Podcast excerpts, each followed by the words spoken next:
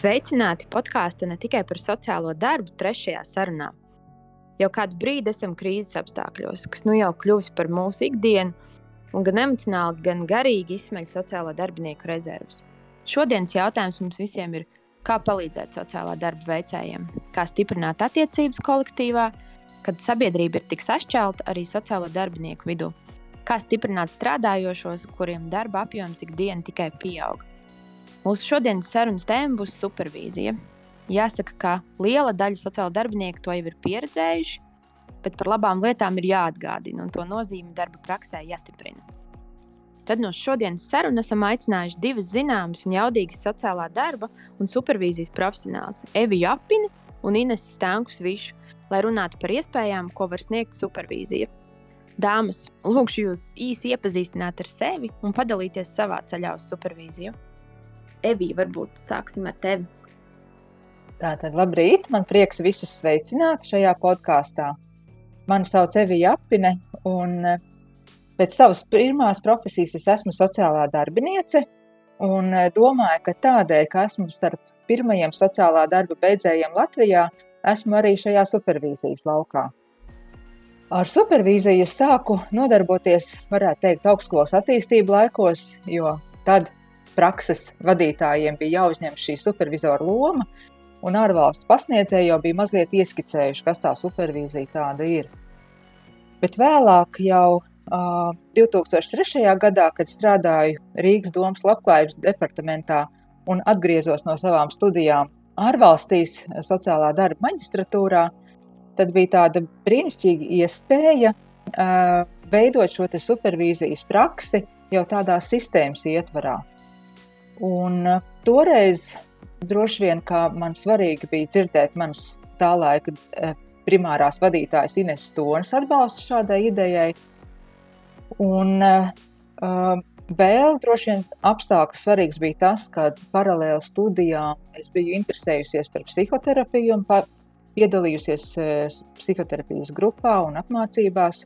Un kopumā šī pieredze uh, uh, lika man domāt, ka supervīzija ir kaut kas, ko es varu darīt. Kaut nebija tolaik tādas formālas izglītības šajā virzienā. Un uh, mani motivēja uh, tolaik novērotais, kas patiesībā sakrīt ar, ar procesiem arī joprojām, sevišķi šobrīd. Un tas, ko es tolaik redzēju, kad uh, sociālā sistēma strauji attīstās, kas ir ļoti pozitīvi, Bet uh, at, sistēmai attīstoties, darbs kļūst ļoti sarežģīts priekš sociālā darbinieka. Uh, jauni likumi, normatīvi, kas jāievēro, procedūras, kuras jāpārzina un jāpielieto. Un, uh, man likās, ka uh, es redzu, ka prasības un spiediens no darbiniekiem pieaug, savukārt um, atbalsts nav. Un, uh, Man liekas, ka šis rops, atbalsta trūkums, ir jāaizpilda ar supervīziju, kas arī profesijā vēsturiski ir pastāvējusi kā tāds atbalsta veids darbiniekam. Un eh, man ļoti svarīgi bija tas, kad šo ideju par supervīziju izprata eh, tā laika eh, Labklājības departamenta vadītājs Valdis Nagobats, kurš atļāva tātad šo supervīziju piedāvāt Vispirms izveidojot eh, sociālā darba supervīzijas nodaļu departamentā, kur tad es un mana kolēģe tolaik Inga Lukašinska, mēs kopīgi eh, strādājām pie tās taktikas, kā iepazīstināt ar supervīziju vispirms Rīgas sociālo dienestu vadītājus, kā argumentēt viņiem supervīzijas nepieciešamību priekšdarbiniekiem, un tad arī informēt darbiniekus un aicināt piedalīties pirmajās supervīzijas grupās. Un, un pirmās grupas, manuprāt, mēs sākām vadīt 2006. gada vidū. Un, protams, ka bija ļoti interesanti arī tas, ka bija, bijām tādā izvēles priekšā, kādai supervīzijai būt. Jo, ja mēs skatāmies sociālā darba vēsturi un pieejamo literatūru, pārsvarā ir runa par tādu pāraudzību, ja, supervīzijas kontekstā par modeli, kur vairāk pieredzējis un, un izglītots supervizors pārauga savu padoto darbu, ja, un tā, kas sniedz viņiem atbalstu, konsultē Bet um, mums ar Ingu, nezinot, ka uh, ir jau arī cits modelis, intuitīvi bija sajūta, ka mums nevajag priekš sociālajiem darbiniekiem vēl kādu virsuzraugu, pāraugu. Viņiem tāpat jau savā dienas struktūrās ir vadītāji, kas rūpējas par viņu darbu kvalitāti. Un, un mēs gribējām piedāvāt supervīziju kā tādu eksternu, jeb ārpus ierastās darba vidas pieejamu atbalstu. Protams, mūsu gadījumā tas varbūt bija tāds hibrīds, ja, jo mēs bijām no augstāk stāvošas uh, struktūras Rīgas sociālo dienas sistēmā. Vienlaikus mēs nepieņēmām nekādus lēmumus par darbinieku ikdienas darbu, ne, nepiedalījāmies nekādā viņa vērtēšanā un tam līdzīgi. Ja. Mūsu uzdevums bija tikai šī supervīzijas sniegšana. Nu, lūk, un, un, un būtībā priekš mums ar Ingu milzīgs atvieglojums bija, kad mēs pieteicāmies uz konferenci Horvātijā par supervīziju.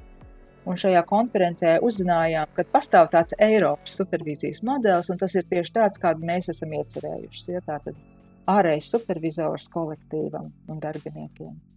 Paldies, Evi! Inese, saki, kāds ir tavs ceļš uz supervīziju? Jā, sveiki visiem klausītājiem.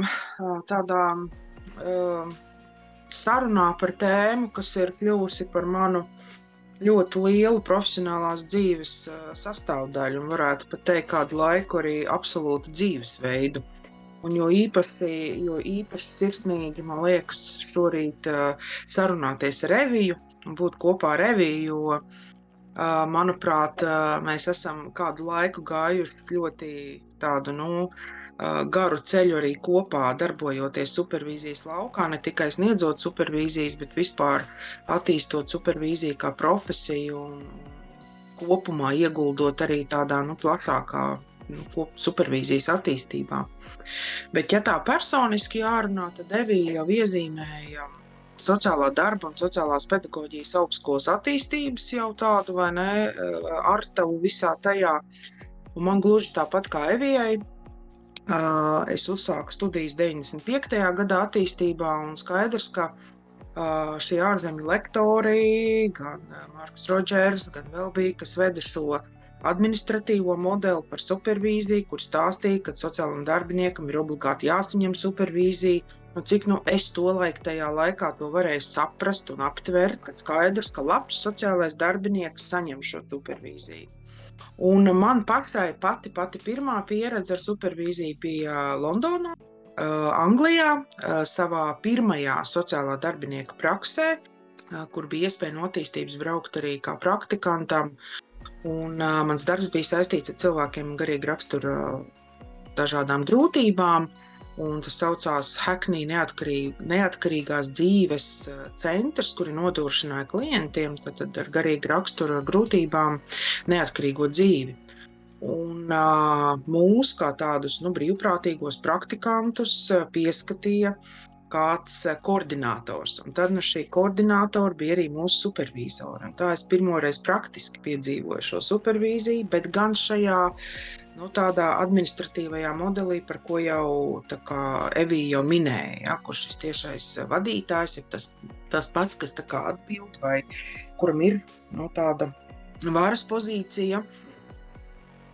Sniedz mums šo supervīziju atbalstu. Un tas bija dažādi jautājumi, ļoti vienkārši, kā jums iet, kas ir tās jūsu grūtības, kā mēs ar to varētu dažādi tikt galā.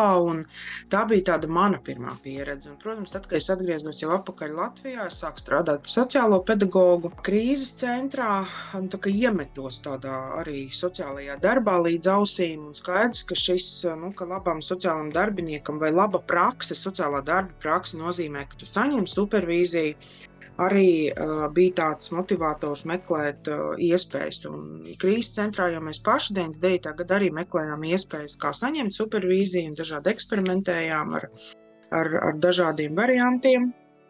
Un, uh, 2000 arī Evija runā par trešo. Es vairs tos gadus tiešām neatceros, bet varbūt pirmais, otrais sākās su supervīzijas sociālajiem pedagogiem Rīgas pašvaldībā arī. Un atceros, man arī kopā arī ar kol kolēģi Kārli uh, Višķu, mums tā kā bijām divi supervīzori šiem sociālajiem pedagogiem. Nu, protams, kā es mācīju, tā es darīju, praktiski balstoties uz tādu problēmu risināšanas modeli, kādas ir jūsu grūtības. Droši vien līdzīgi kā to, kā to darīja man supervizora Anglijā pēc kaut kāda ja, šīs pieejas. Nu, lūk, un tad jau ar 2008. gadu, man liekas, jā, jau tur sākās dažādas. Līdz tam jau attīstījās pamazām, un tā bija tāda iniciatīva. Es varu piekrist tevijai, ka skaidrs šis administratīvais, ja vertikālais modelis, ja kad supervizors arī ir tāds, nu, ir vēl darba attiecībās pāraugošās, viņš neiedzīvojās. Tas ne, jo mums māk, nu, kā, arī mēģināja iedzīvināt starp mā, nu, mācību laikā mācīt, kā to darīt, ka tu esi tiešais vadītājs. Bet es pati to izbaudīju kā krīzes centra vadītāja, un es sapratu, ka man nav ne tādas kapacitātes, ne tādas iespējas vispār kaut ko tādu darīt vai supervizēt vēl papildus savus darbiniekus. Un kaut kā dabiski, man liekas, sevī var, no rīta var piekrist dabiski. Jā, sanāca, ka mēs dabiski meklējām šo ārējo supervizoru kā tādu atbalstu un, un, un palīgu. Nu, jā, kā jau saku, kā, kā mēs mācījām, tā mēs darījām. Jo izglītība jau mums nāca tikai vēlāk, ap 2006. gadu, 2007. gadu. Mēs tādas, nu, varētu teikt, profesionalizējāmies, jā, ir tā kā attīstījāmies. Un, nu, jā, un Evija, varbūt, ko tu nepieminēji, 2008. gadā, februārī. Evija Ringu un vai Ieva, vēl te jau es jau vairs neatceros, Ievu Ozolu, aicināja uz Labklājības departamentu, kur nu bija tā supervīzijas nodaļa, un teica, nu, tie supervīzori, kas jau praktizēja, tajā laikā arī Laila Balodi no Dardedzes un Ilvīra Asgale, un uh, aicināja, teica, mums kaut kas ir jādara šajā ziņā. Jūs bijāt laikam iedvesmots no šīs konferences. Teicāt, jādibina asociācija, un mums vajag, mums vajag kas vada. Un tā nu, mēs Revija arī bijām dibinātājs tajā laikā arī Latvijas supervizoru asociācijai. Tas noteikti arī ir viens tāds stabils attīstības punkts, vai ne? Profesijā, jaunā profesijā, kas kā tāda nāk iekšā kādā laukā. Ļoti būtisks, es domāju. Mm. Sakiet, bet tā, no tādas tīri praktiskās puses, kas ir vislielākais ieguvums sociālam darbiniekam no supervīzijas? Pirmkārt, es jau teiktu, ka uh, emocionālais atbalsts, jo darbs ir uh, diezgan spriedzes pilns. Uh, Un dažkārt darbiniekam ir gan redzējums, gan vīzija, kā strādāt ar gadījumu, bet uh, ir šaubas, varbūt ir kāds labāks variants. Un, uh, es domāju, ka viens, eh, ko supervīzija var dot, bieži vien ir to atvieglojumu sajūta, ka jā, es eju pareizā virzienā, un arī saņemt tādu emocionālu atbalstu no kolēģiem, ka uh, ir saprastas nu, tās grūtības, tās šaubas, kuras eh, nu, šajā gadījuma risināšanā rodās. Un ne tikai gadījuma risināšanā, jo supervīzijā jau ļoti dažādas jautājumas var risināt. Teiksim, ja runājam par, par šo laiku, tad uh, tieši šie jautājumi saistībā ar slodzi, ar sava darba uh, plānošanu, prioritāšu noteikšanu, dažkārt ir bijuši tieši individuālajās supervīzijās fokusā. Ja, palīdzēt uh, mazināt izdegšanu, un, un, un reizē arī spēt izdarīt darbus, tā skaitā tos, kas jau ir sakrājušies, atrast to veidu. Tā kā, manuprāt, jā, emocionālais atbalsts un, un stratēģija, kā darbā, darbu paveikt labi. Jā, vai tas būtu darbs ar klientu vai ar gadījumu, vai kādi citi individuālie uzdevumi, jeb komandai, komandas darbs. Ines, kā tev šķiet? Es domāju, es tā, es tā varbūt iegrābšos nedaudz tādā plašākā laukā, kas ir par šo izdegšanas mazināšanu. Ja nu mēs, ja teiksim, arī kā supervīzija, un es domāju, nu, kas tad ir tie trīs aspekti izdegšanai, nu, kas ir būtiski, ja, kas tad notiek, ja, praktiski, ko Evija minēja par šo emocionālo atbalstu, kas ir būtisks, jā, jo emocionāli tu pārkarst un vairs nespēji jā, neko vairs darīt. Tu esi nogurs un pārgurs, jā, fiziski un emocionāli no darba. Vienkārši no tā darba satura, tiem gadījumiem, ar ko tu sastopies, un otrs ir šī sajūta par sevi kā par profesionāli, cik es vispār spēju izdarīt, vai es esmu efektīvs, vai es kaut ko sasniedzu, vai, vai man ir gandarījums no mana darba. Un trešais ir šis nu, empātijas līmenis, ja palikt nu, tajā empātijas laukā, ka es spēju arī uh, sajust un būt nu, kā, kā ir tam otram cilvēkam. Un tad man liekas, tas supervīzijas rezultāts galvenais principā Manuprāt, ir jau, ko Evija minēja, šis emocionālais atbalsts, tas, ka es varu norunāt šīs lietas, es varu saņemt atbalstu, es neuzkrāju. Otra viennozīmīga lieta arī ir šajā profesionālajā ceļā tas ir arī atbalsts tīri profesionālā, nu, manā nu, attīstībā. Tas tā ļoti plaši, nu, tā skaļi skan. Bet pavisam vienkārši, kur es esmu, ko es daru, kā es ar to jūtos, vai es redzu kaut kādas izaugsmas iespējas. Un es arī redzu, tur, kur supervīzija, kur teiksim, pašvaldībās un dienestos, kur šī supervīzija ir bijusi jau kā tradīcija un ilgus gadus, tas arī palīdz organizācijas kopējai attīstībai. Es teiktu, ka sociālais darbs un arī organizācija attīstās caur supervīzijas palīdzību. Es gribu arī šo aspektu ienest. Jā, tas nav tikai vienkārši mēs atbalstam. Mēs arī iedodam tādu iespēju cilvēkam palikt nu, savā profesionālajā lomā pēc iespējas, nu, teiksim, labāk priekš viņa nu, kā, nu, protams, tās ir subjektīvas, jā, teiksim, tā izjūta, kā es jūtos par savu darbu, un tur, kur, tur, kur es esmu, un iedvesma, tā ir iedvesma, jauna motivācija. Man ir mm, teikuši arī mm, supervīzējumie, kuri saka, pateicoties supervīzijai, es vispār izdzīvoju, ja, vai dzīvoju cauri, vai neaizēju vēl no darba, vai atrodu jaunu motivāciju. Ja, kā, tur tas, man liekas, tas ir nu, arī milzīgi pievienotā vērtība tam. Jā, es arī gribētu vēl piebilst, ka man liekas, dažkārt um, tas ieguvums ir normalizācija. Ja cilvēks, sevišķi grupas supervīzijā vai komandas, viņš piedzīvo dažādas grūtības, ir lietas, kurām netiek galā vai kurām nepiekrīt, kuras notiek, kādas prasības tiek izvirzītas vai jauna procedūra ieviest. Un tad viņš ir viens ar to, bet tad, kad viņš ir supervīzijā, viņš uzrīksoties par to runāt un uzdot jautājumus, vai tas ir tas labākais veids, kā, kā šobrīd mums strādāt ar klientiem.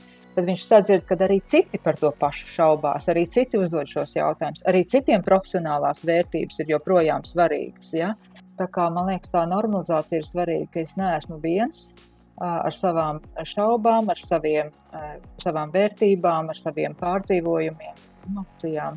Un, um, tas nozīmē arī, ka nu, tas nav pretdabiski tā justies, tā domāt. Ja, tā kā tāda aut autentiskuma saglabāšana.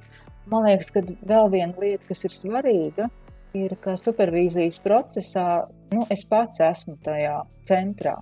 Ja, es esmu tas, kurš ir atvērts atbalstam, jo ikdienas darbs ir visu laiku atbildības uzņemšanās, došana un reizēm darbiniekiem noslīta atbildības robeža uh, klienta zonā par daudz, vai ne? Un tad supervīzijā atkal var attapties un saprast, ja, ka, uh, ja, kur tad ir robežas. Jūs abas jau pieskārāties tam aspektam, kādā veidā procesi, organizācijas un cilvēki mainās gadu laikā. Tā kā abas tiešām esat jau ga, reāls 20 gadus šajā, šajā laukā, vai redzat izmaiņas, kā, kā, kā attieksme pret supervīziju, kā procesu, tā izmantošanas iespējas un arī cilvēku, cilvēku attieksme un uh, sajūta šajā laikā ir mainījusies? Es droši vien varētu izsekot tādiem viļņiem, Jo tad, kad uh, uzsākām supervīziju Labklājības departamentā, tad uh, piedāvājums bija brīvprātīgs. Ja, mēs centāmies iz, informēt, izglītot, kas tas ir, un aicinājām brīvprātīgi veidot grupas. Un tā tad sastapāmies ar cilvēkiem, kuri bija ieinteresēti, kuriem bija kāda ziņkārība, mēģināt, ja, kas tas īsti ir. Ja. Uh, tad bija, uh, manuprāt, ļoti nepieciešams, vajadzīgs process, tomēr, kurš radīja pretestību. Tā bija supervīzijas iekļaušana um, prasībās sociālā pakalpojumu sniedzējiem, um, norādot, cik stundas gadā darbiniekam vajadzētu izmantot supervīzijas. Un arī vēlāk iekļaušana sociālā pakalpojumu, sociālās palīdzības likumā. Uh, cenšoties aizstāvēt tiesības saņemt supervīziju, ne, bet, bet reizē arī to tulkoja kā obligātu nepieciešamību izmantot. Un es domāju, ka mēs varam redzēt šobrīd sabiedrībā šķelšanos attiecībā uz vakcināciju. Ja? Tātad, kad kaut kas ir obligāti, tad cilvēkiem rodas pretestība. Un, es domāju, dažiem tā pretestība pat nebija balstīta uz tādas informācijas, kas tas ir, vai to man vajag vai nevajag. Ja? Vienkārši tāpēc, ka man to uzspiež. Un, un e, es varu atcerēties ļoti daudzas tikšanās gadus atpakaļ, kad e, pirmajā supervīzijas reizē saproti, ka cilvēki šeit ir atnākuši, apsēdušies, viņi ar mani sasveicinās, bet uh, ir ļoti skeptiski uh, noskaņoti. Uh, testē mani, testē pašu supervīzijas procesu un apšauba nepieciešamību. Tad es teiktu, ka pēdējos gadus savā praksē es gandrīz nesastopos vairs ar šādu nu, pozīciju, pretpozīciju.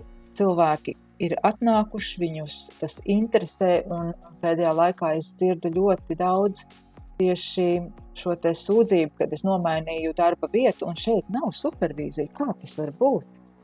Kāpēc viņas nav? Viņi ir tik nepieciešami. Jā? Arī tās idejas, ka es ļoti gaidu supervīziju, un, un ir nav retums, kad darbinieki supervīzijā piedalās arī savā atvaļinājuma laikā tāpēc ka viņus interesē būt šajā procesā, viņas šajā procesā saskat vērtību. To atvaļinājumu dienu viņi kompensēs vēlāk, bet viņi grib būt klāt. Tā kā šeit redzētu tādu pozitīvu pārmaiņu. Kā Ines, tu?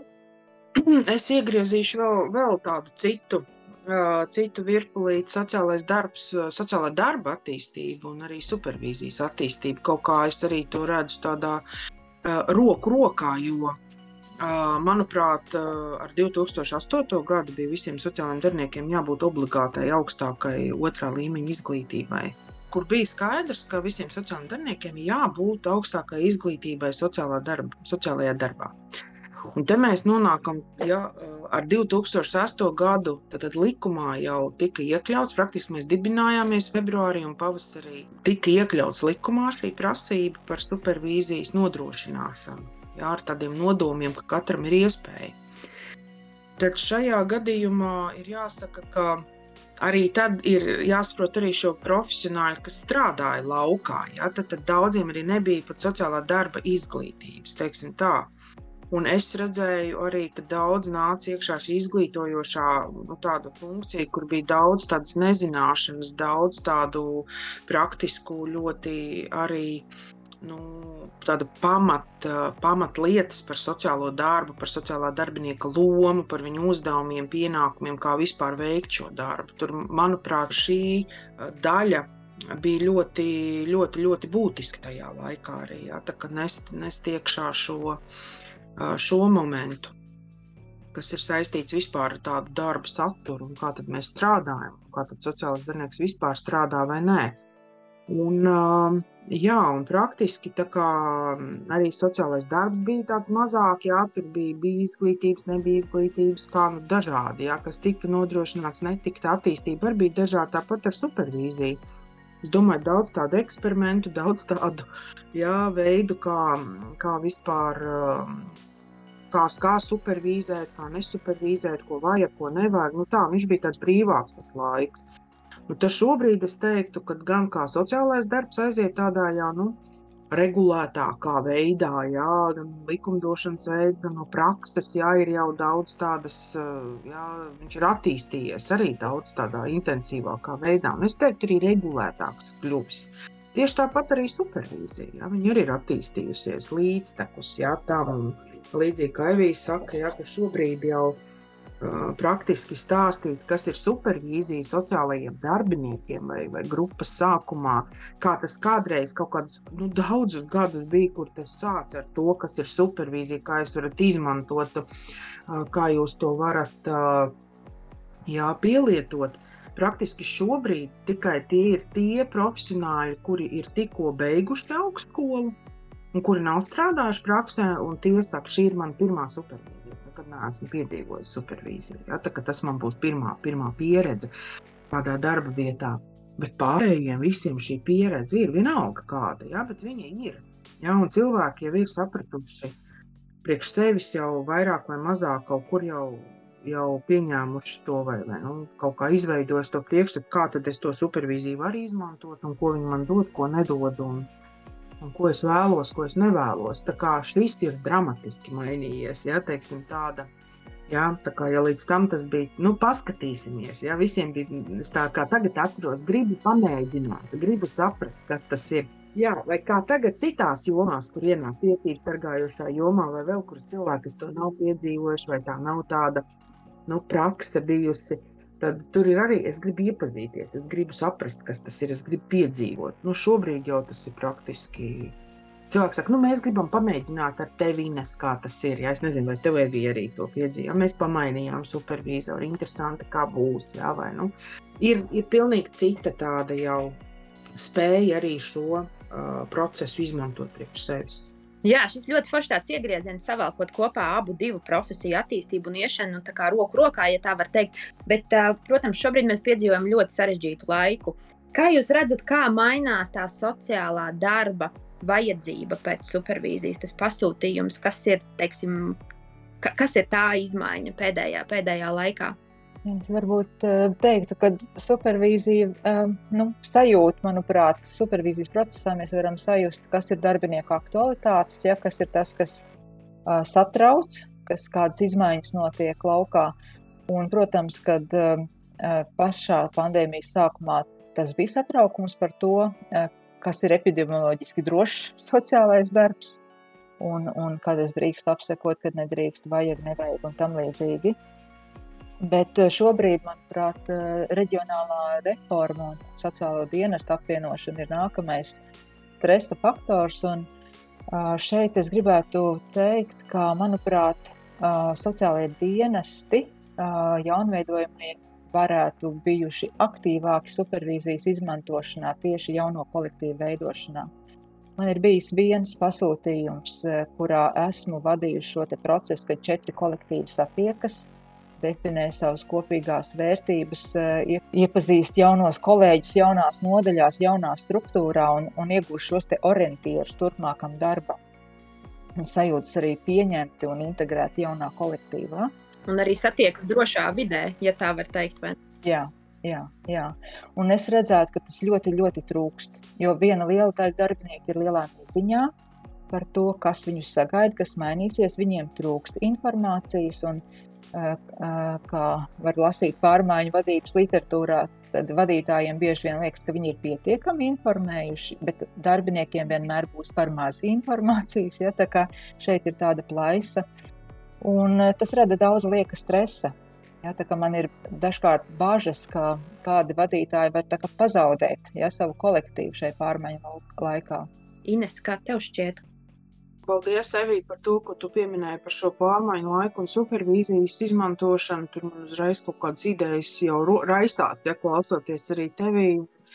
Bet to, ko es piedzīvoju arī, un kas ir pilnīgi skaidrs, ja cilvēki dzīvo lielos, nu, tādā lielā pārmaiņu laikā, viņiem jāadaptējas daudz jaunām lietām, jā, teiksim, gan izmaiņām, gan jauniem strādāšanas veidiem, jā, teiksim, apvienotajos novados, gan kopējā pandēmija. Jā, tu esi ies, iesācis strādāt, tu esi saplānojis nākamo mēnesi. Um, labrīt, mēs esam lockdownā, atkal tu nevari tikties ar klientiem, tev viss jāpārplāno, jāsaprot, kā tu dari, ko tu dari, kā, kā tu vispār virzi atkal, nu, kā tu vispār savu darbu veids. Nu, tā kā ir tāda nepārtraukta pārmaiņu, pārmaiņu laiks un skaidrs, ka tāda uh, pārgurums trauksme, nu, daudz jūtu, ir praktiski viens no tādiem primāriem momentiem. Jā, šis emocionālais atbalsts izkristalizējas kā pirmais, un es teiktu, profesionāla attīstība un visi šie aspekti un mācīšanās aspekti, ja no prakses vai prakses paravidēšana, ja tā, nu, tāda paskatīšanās, ja kā man iet ar kādiem gadījumiem, viņi kļūst sekundāri. Primāri kļūst vispār šim laikam izdzīvot cauri un, uh, un uh, norunāt, dalīties, saņemt atbalstu, uh, mazināt savu trauksmi uh, un vispār sašķirot tos darbus, kas, kas man tagad un ko un kā un iesākt. Ja, tā kā šis izvirzās praktiski nu, kā tāds primārais aspekts supervīzijā.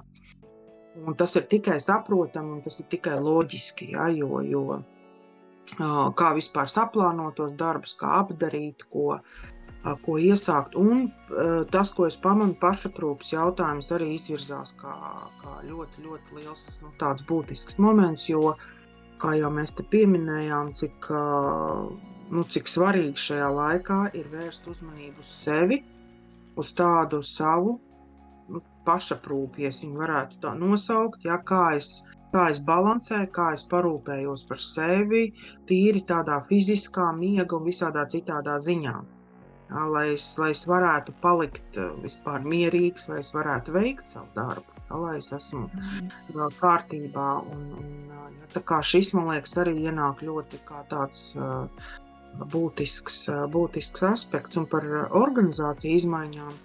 Ka, ja mēs labi mākam izmantot jau to individuālo līmeni, supervīzijas kontekstā, un tas ir labi attīstījies, un tas ir zināms, tad, manuprāt, tāda organizācijas supervīzija, un tā skaitā komandas supervīzija, nu, es domāju, mūsu jomā vēl sociālā darbā neizmanto pilnībā, Un, un tieši tā man pilnīgi tā kā arī žēl, ka sanāk, šo organizāciju supervīziju, kas būtu tik nenormāli nepieciešama šajā pārmaiņu laikā, izmanto nu, praktiski, kā tu teici, tev ir viens, man neviens. Es vairāk strādāju darbiniekiem, kuri tad sanāk kopā un, un nu, mēģina tām pārmaiņām tikt galā. Es viņus varu tikai iedrošināt, nu, mm. un, un vadības supervīziju. Un to nu gan ir dienestu vadītāji, kas jau izmanto gadiem, jau, jau ilgus, ilgus gadus. Un ir, kuri varbūt tā arī nav sākuši supervīziju. Ja? Tā kā šis ir tāds viens to vadi, vadības līmenī, arī supervizēties un paturēt šo vadītāju lomu stiprināt. Un tur, kur es redzu tie vadītāji, kas supervizēs, nu, tur tomēr tā organizācijas attīstība un darbs tajā notiek. Uh, nu, tu redz, ka tas arī, nu, es, piemēram, redzu un pamanu, ka tas, tas iet roku rokā. Absolūti, absolūti. Un paldies par šo.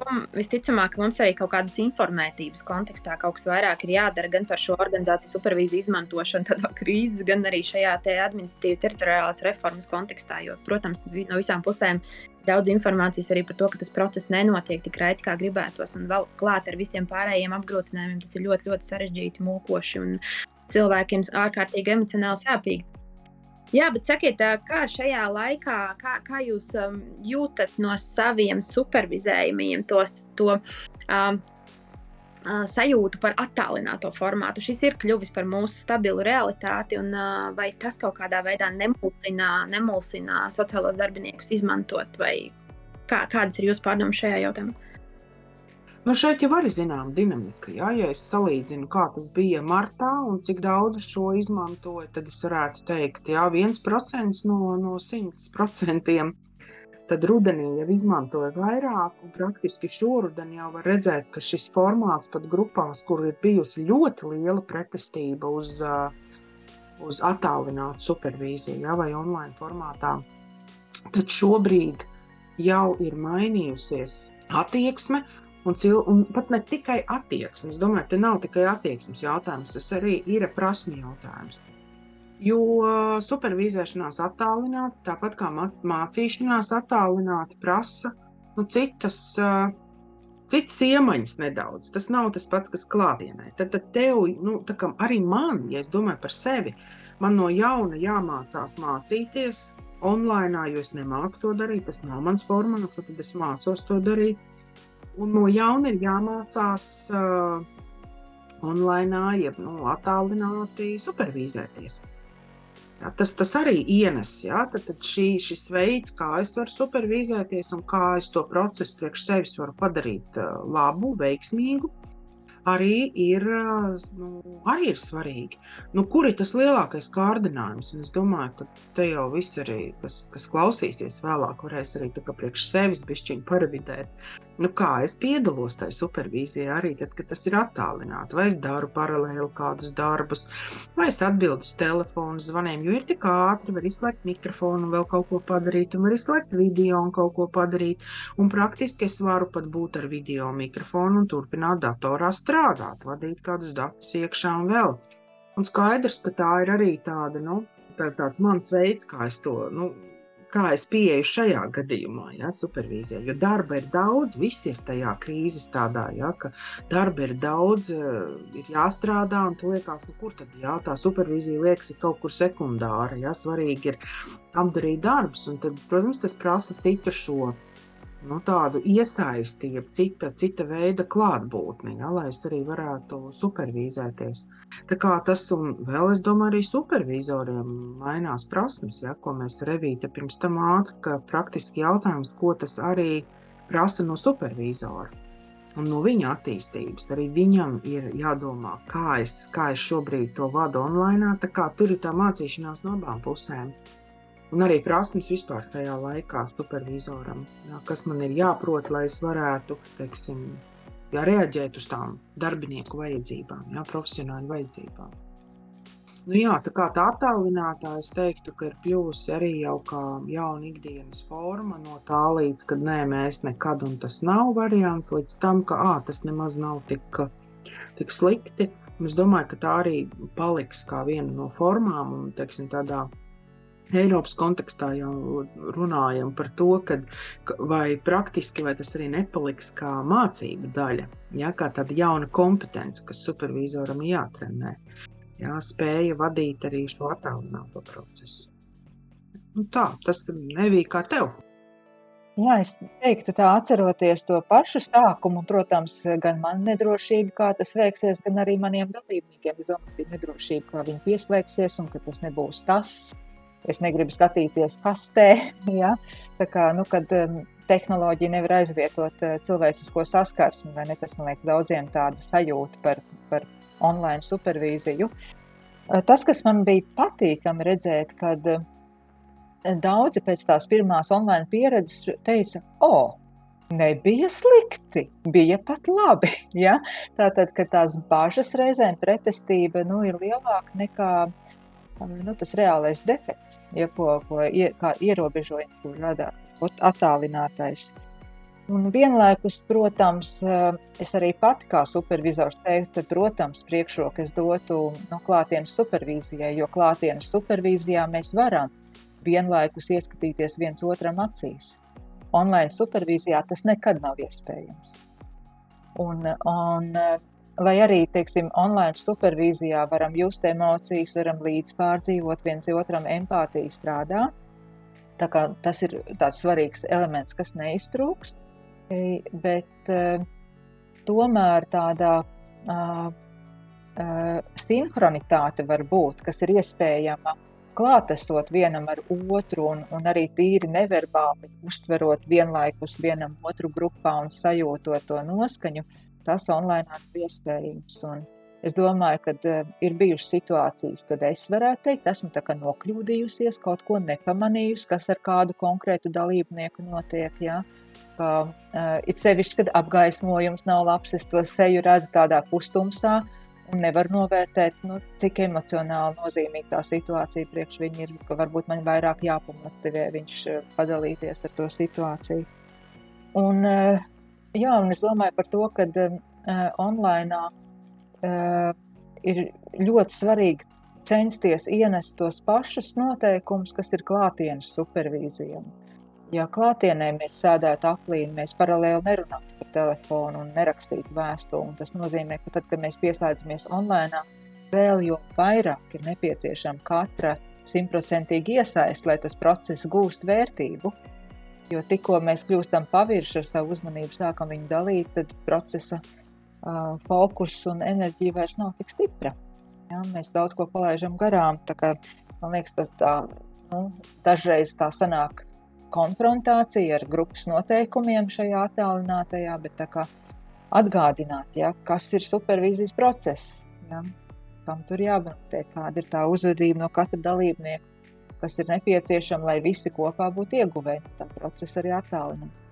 Man ir interesanti, ka uh, bija grupas, kuras atlika uh, supervīzijas sākšanu, gaidot, kad būs iespējams tikties klātienē, tad redzot, ka tas klātienes Eh, process nebūs tik ātri, tad eh, piekrita šai online eh, supervīzijai, un pēc tam nemaz tik ļoti negribēja atgriezties pie klātienes. Ja, tā kā novērtēja to, ka ietaupās laiks ceļā, man nav jādodas kaut kur uz vienu konkrētu vietu, lai piedalītos supervīzijā. Un, un dažreiz dažam arī tas ir bijis komforts lielāks. Es esmu tā kā klāt, bet tomēr distancētāk klāt. Ja? Tā kā Man varbūt par nožēlu pat bija dažas grupas, kuras vasaras periodā turpināja palikt eh, online režīmā. Ļoti priecājos par tām, kuri, kuri pamainīja. Varējām satikties un sajust viens otru atkal klātienē. Man liekas, ka būtisks aspekts vēl ir tehniskais nodrošinājums. Diemžēl vēl joprojām pandēmijas jau otrajā vai laikā, nu vēl joprojām ne visur, visiem sociāliem darbiniekiem, uh, visdaži gan aprūpas centros, gan, gan, uh, gan dienestos, gan vēl, jā, nav nodrošināta nepieciešamā tehnika, lai viņi varētu pieslēgties attālināti Un, un šajā gadījumā es domāju, ne tikai darbs, tad, tad nu viens ir supervīzijām, bet tās ir gan arī sanāksmes, kas var notikt attālināti, gan arī darbs ar klientu pie zināmiem apstākļiem. Ja? Tā kā šis ir tāds, nu, tas tā, tas tā saskumdina. Ja? ja sākumā varbūt vēl likās, nu, tas tā iespējami, ok, tas tā var notikt, bet nu, šobrīd jau liekas, ka tam tehniskajam jau būtu, nu, pa to, pa to laiku jau būtu vajadzējis būt. Tur vēl ir, kur arī piestrādāt. Ja, kur, kur. Bet man liekas, ka nu, un, un tas ir, nu, ir gaisā. Ja, skaidrs, ka tur vēl pētniecība, gan jau pētnieki un skatīsies un pētīs, kā tur tajā online, jā, un attālināti, kādi tur ir, kas ir tās atšķirības un kas tur notiek un tā. Bet, uh, nu, arī supervīzijas uh, profesiju un arī sociālā darba profesija, es domāju, noteikti ietekmēs un ietekmē jau šī digitalizācija un viss, teiksim, iespēja būt attālināti. Tā kā es kaut kā uz to, ka tā būs jauna, jauna forma, jo kāds sapratīs, tas ir pietiekami ērti arī šādā veidā. Jā, es pietiekami labi dabūnu savu, jā, es apmierinu savas vajadzības no procesa, un plus vēl iegūstu ja, laiku, ne, nebraucot nekur. Un, un un tā tālāk. Tā kā te var tikai tā domāt, kā tas ietekmēs ilgākā laika periodā. Jā, tāda jauna forma, jauna forma un paliekoša realitāte, ne, kurai mums vienkārši ir beidzot jāsaprot, kad ir jāpielāgojas. Tieši tas tavs stāsts par tehniskiem aspektiem, tas tiešām liekas dīvaini, jo ir pagājis jau pusotrs gads. Un tas atkal ir tāda maza lieta, kas salīdzinoši arī finansiāli nav tik ietilpīga, lai to nevarētu īstenot. Sakiet, Kā jūs redzat to, ka uh, visā šajā tiešām grūtajā laikā un tajā salīdzinoši mazajā atbalsta formu esamībā, kādas sociālā darba vidē ir pieejamas nu, gan cilvēkiem, gan organizācijām kopumā. Ko jūs ieteiktu? Ko jūs ieteiktu sociālajiem darbiniekiem ko jūs ieteiktu dienestu vadītājiem, iespējams, jauno dienestu vadītājiem? Kā to ikdienu padarīt veiksmīgāku, kā labāk šim laikam pielāgoties un kā labāk pārdzīvot, izdzīvot šo posmu mūsu dzīvē? Es domāju, ka uh, mans vērojums ir tas, kas cilvēkiem ļoti palīdz, ir saruna. Un uh, šis būtu gan ieteikums vadītājiem, vienlaikus, gan arī darbiniekiem. Uh, tas nozīmē, ka uzmeklēt vienam otru, konsultēties, pārunāt un dalīties. Un vadītājiem rūpēties par to, lai darbiniekiem ir šī komunikācijas platforma un pašiem organizēt sapulces, lai nebūtu tā, ka es dzirdu, ka oh, mēs pusgadu nekad neesam visi kopā tikušies, man nav priekšstats, kas kopumā dienestā notiek vai organizācijā notiek, uz kurien mēs ejam. Ja? Tātad kaut kāda informācija nejaušības ceļā pie kāda nonāk, tas padod kaut ko tālāk. Tātad es teiktu, ka ļoti svarīga ir skaidra komunikācijas struktūra, kas ir sapulces, un varbūt daļa no tām ir šajā attālinātajā formātā, ja pandēmija turpinās bet komunikācija ir ārkārtīgi svarīga. Es zinu, ka daži jūtas noguruši no sapulcēm. Liekas, ka viņu ir tik bezgalīgi daudz. Tas atkarībā no amata uh, līmeņa un projektiem, kuros cilvēks ir iesaistīts. Vienlaikus, lai labāk justos, lai varētu izdzīvot, lai sajustu šo atbalstu, domu biedru atbalstu, ir svarīgi sarunāties un sarunāties arī attālināti ar kamerām, ieslēdzot. Un pie tam šīm sarunām var būt ļoti dažādi formāti, Tā var būt ar mētiecīgi organizēta kopīga tējas dzeršana, kad mēs nerunājam pat par darbu, bet tā tad palīdzēt cilvēkiem uzturēt kontaktus, jo kontakti ir resursi.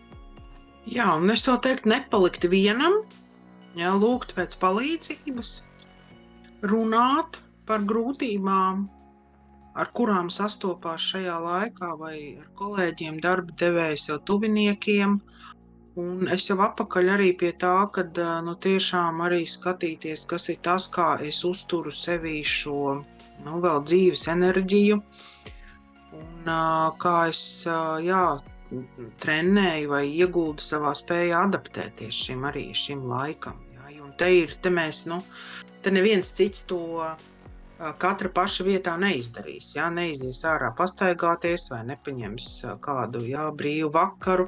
Neviens to, un te, un te nebūs, tas nebūs vairs atkarīgs ne no vadītāja, ne no kāda cita. Jā, ka palikt tiešām tajā, nu, ne, nezaudēt arī fokusu uz to, kas notiek ar mani un kā es, kā es, kā es jūtos šobrīd. Un ieguldīt tajā un būt drosmīgiem, runāt arī par grūtībām, jo nu, tomēr es kaut kā domāju arī par šo laiku un par visu vakcinēšanās situāciju valstī, par mūsu lockdown šobrīd. Ja? Nu, tas, tas, es, es par to arī nevaru nedomāt. Tas arī ietekmē mūsu profesiju, tas ietekmē arī šobrīd. Uh, sociālo darbu un sociālos darbiniekus, un, un kāds iet prom no darba. Jā, kāds, kāds vēl, nu, kā arī vēl šis ir ienesis vēl jā, papildus kādu apjukumu. Tad tomēr nu, mēs dzīvojam vēl tajā tādā kultūrā, kur mēs baidamies tieši un atklāti runāt. Viens ir, ka mēs paši baidamies, un otrs, ka nevienmēr šāda tieša un atklāta uh, saruna cieņpilna. Es šeit nedomāju par tādiem uzbrukumiem vai iz, bet tiešām tāda konstruktīva nevienmēr arī tiek uzskatīta par vēlamu ja, no augstāk stāvošām ja, vai varas pozīcijā esošiem cilvēkiem. Tā kā te ir, te, man liekas, daudz ko vēl arī, kā, nu, kā tomēr arī iesaistīties, ja es pamanu, kad ir kāda netaisnība, ja, vai ir kāda situācija, kur tiek pārkāptas ja, kādas, nezinu, mūsu pašu būtiskas, ja, kā darbinieku vai, vai, vai tiesības, ja, vai kā savā arī šo pašu teritoriālās reformas kontekstā, nu, būt drosmīgiem un uh, iesaistīties tajā savā interešu aizstāvībā. Un vadības līmenim atkal nu, trenēt spēju pieņemt to, kad, nu, ka darbinieki var runāt par šīm lietām. Jā, tā kā, protams, katram jājūt savs konteksts un organizācijas konteksts un tās sekas, kas var būt, kas nē, bet man liekas, ka šis ir tāds, nu arī uzņemties atbildību katram par to, ko es daru, ko es nedaru. Un negaidīt, ka kāds cits par to uzņemsies atbildību, ja? vai kāds cits atbild par to, lai man būtu labi, ja? vai lai man būtu ērti.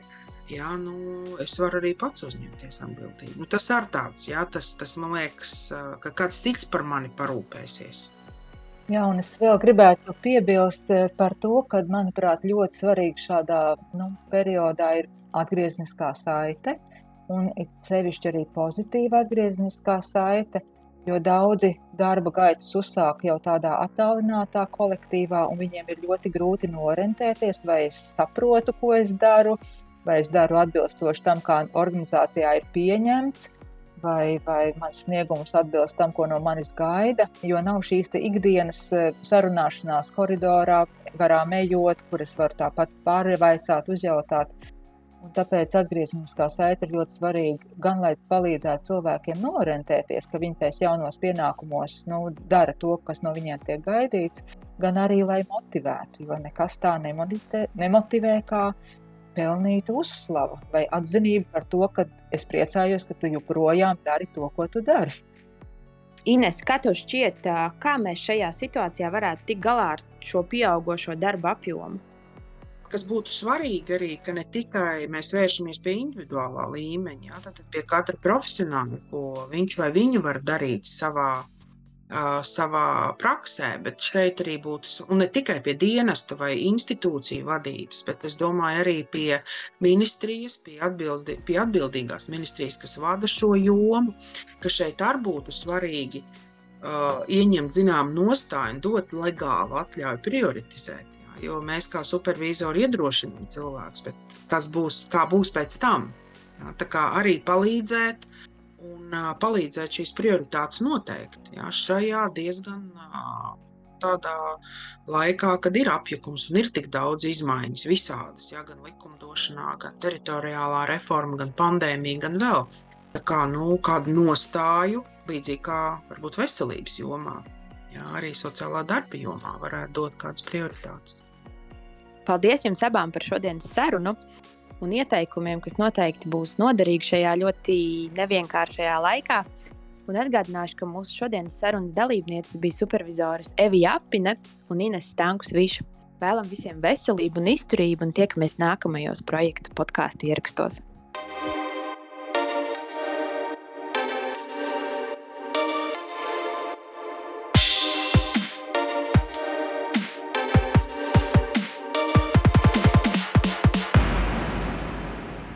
Podkāsts taps projekta profesionāla sociāla darba attīstība pašvaldībās ietvaros, un tajā sarunājamies par aktuālajām tēmām par un ap sociālo darbu.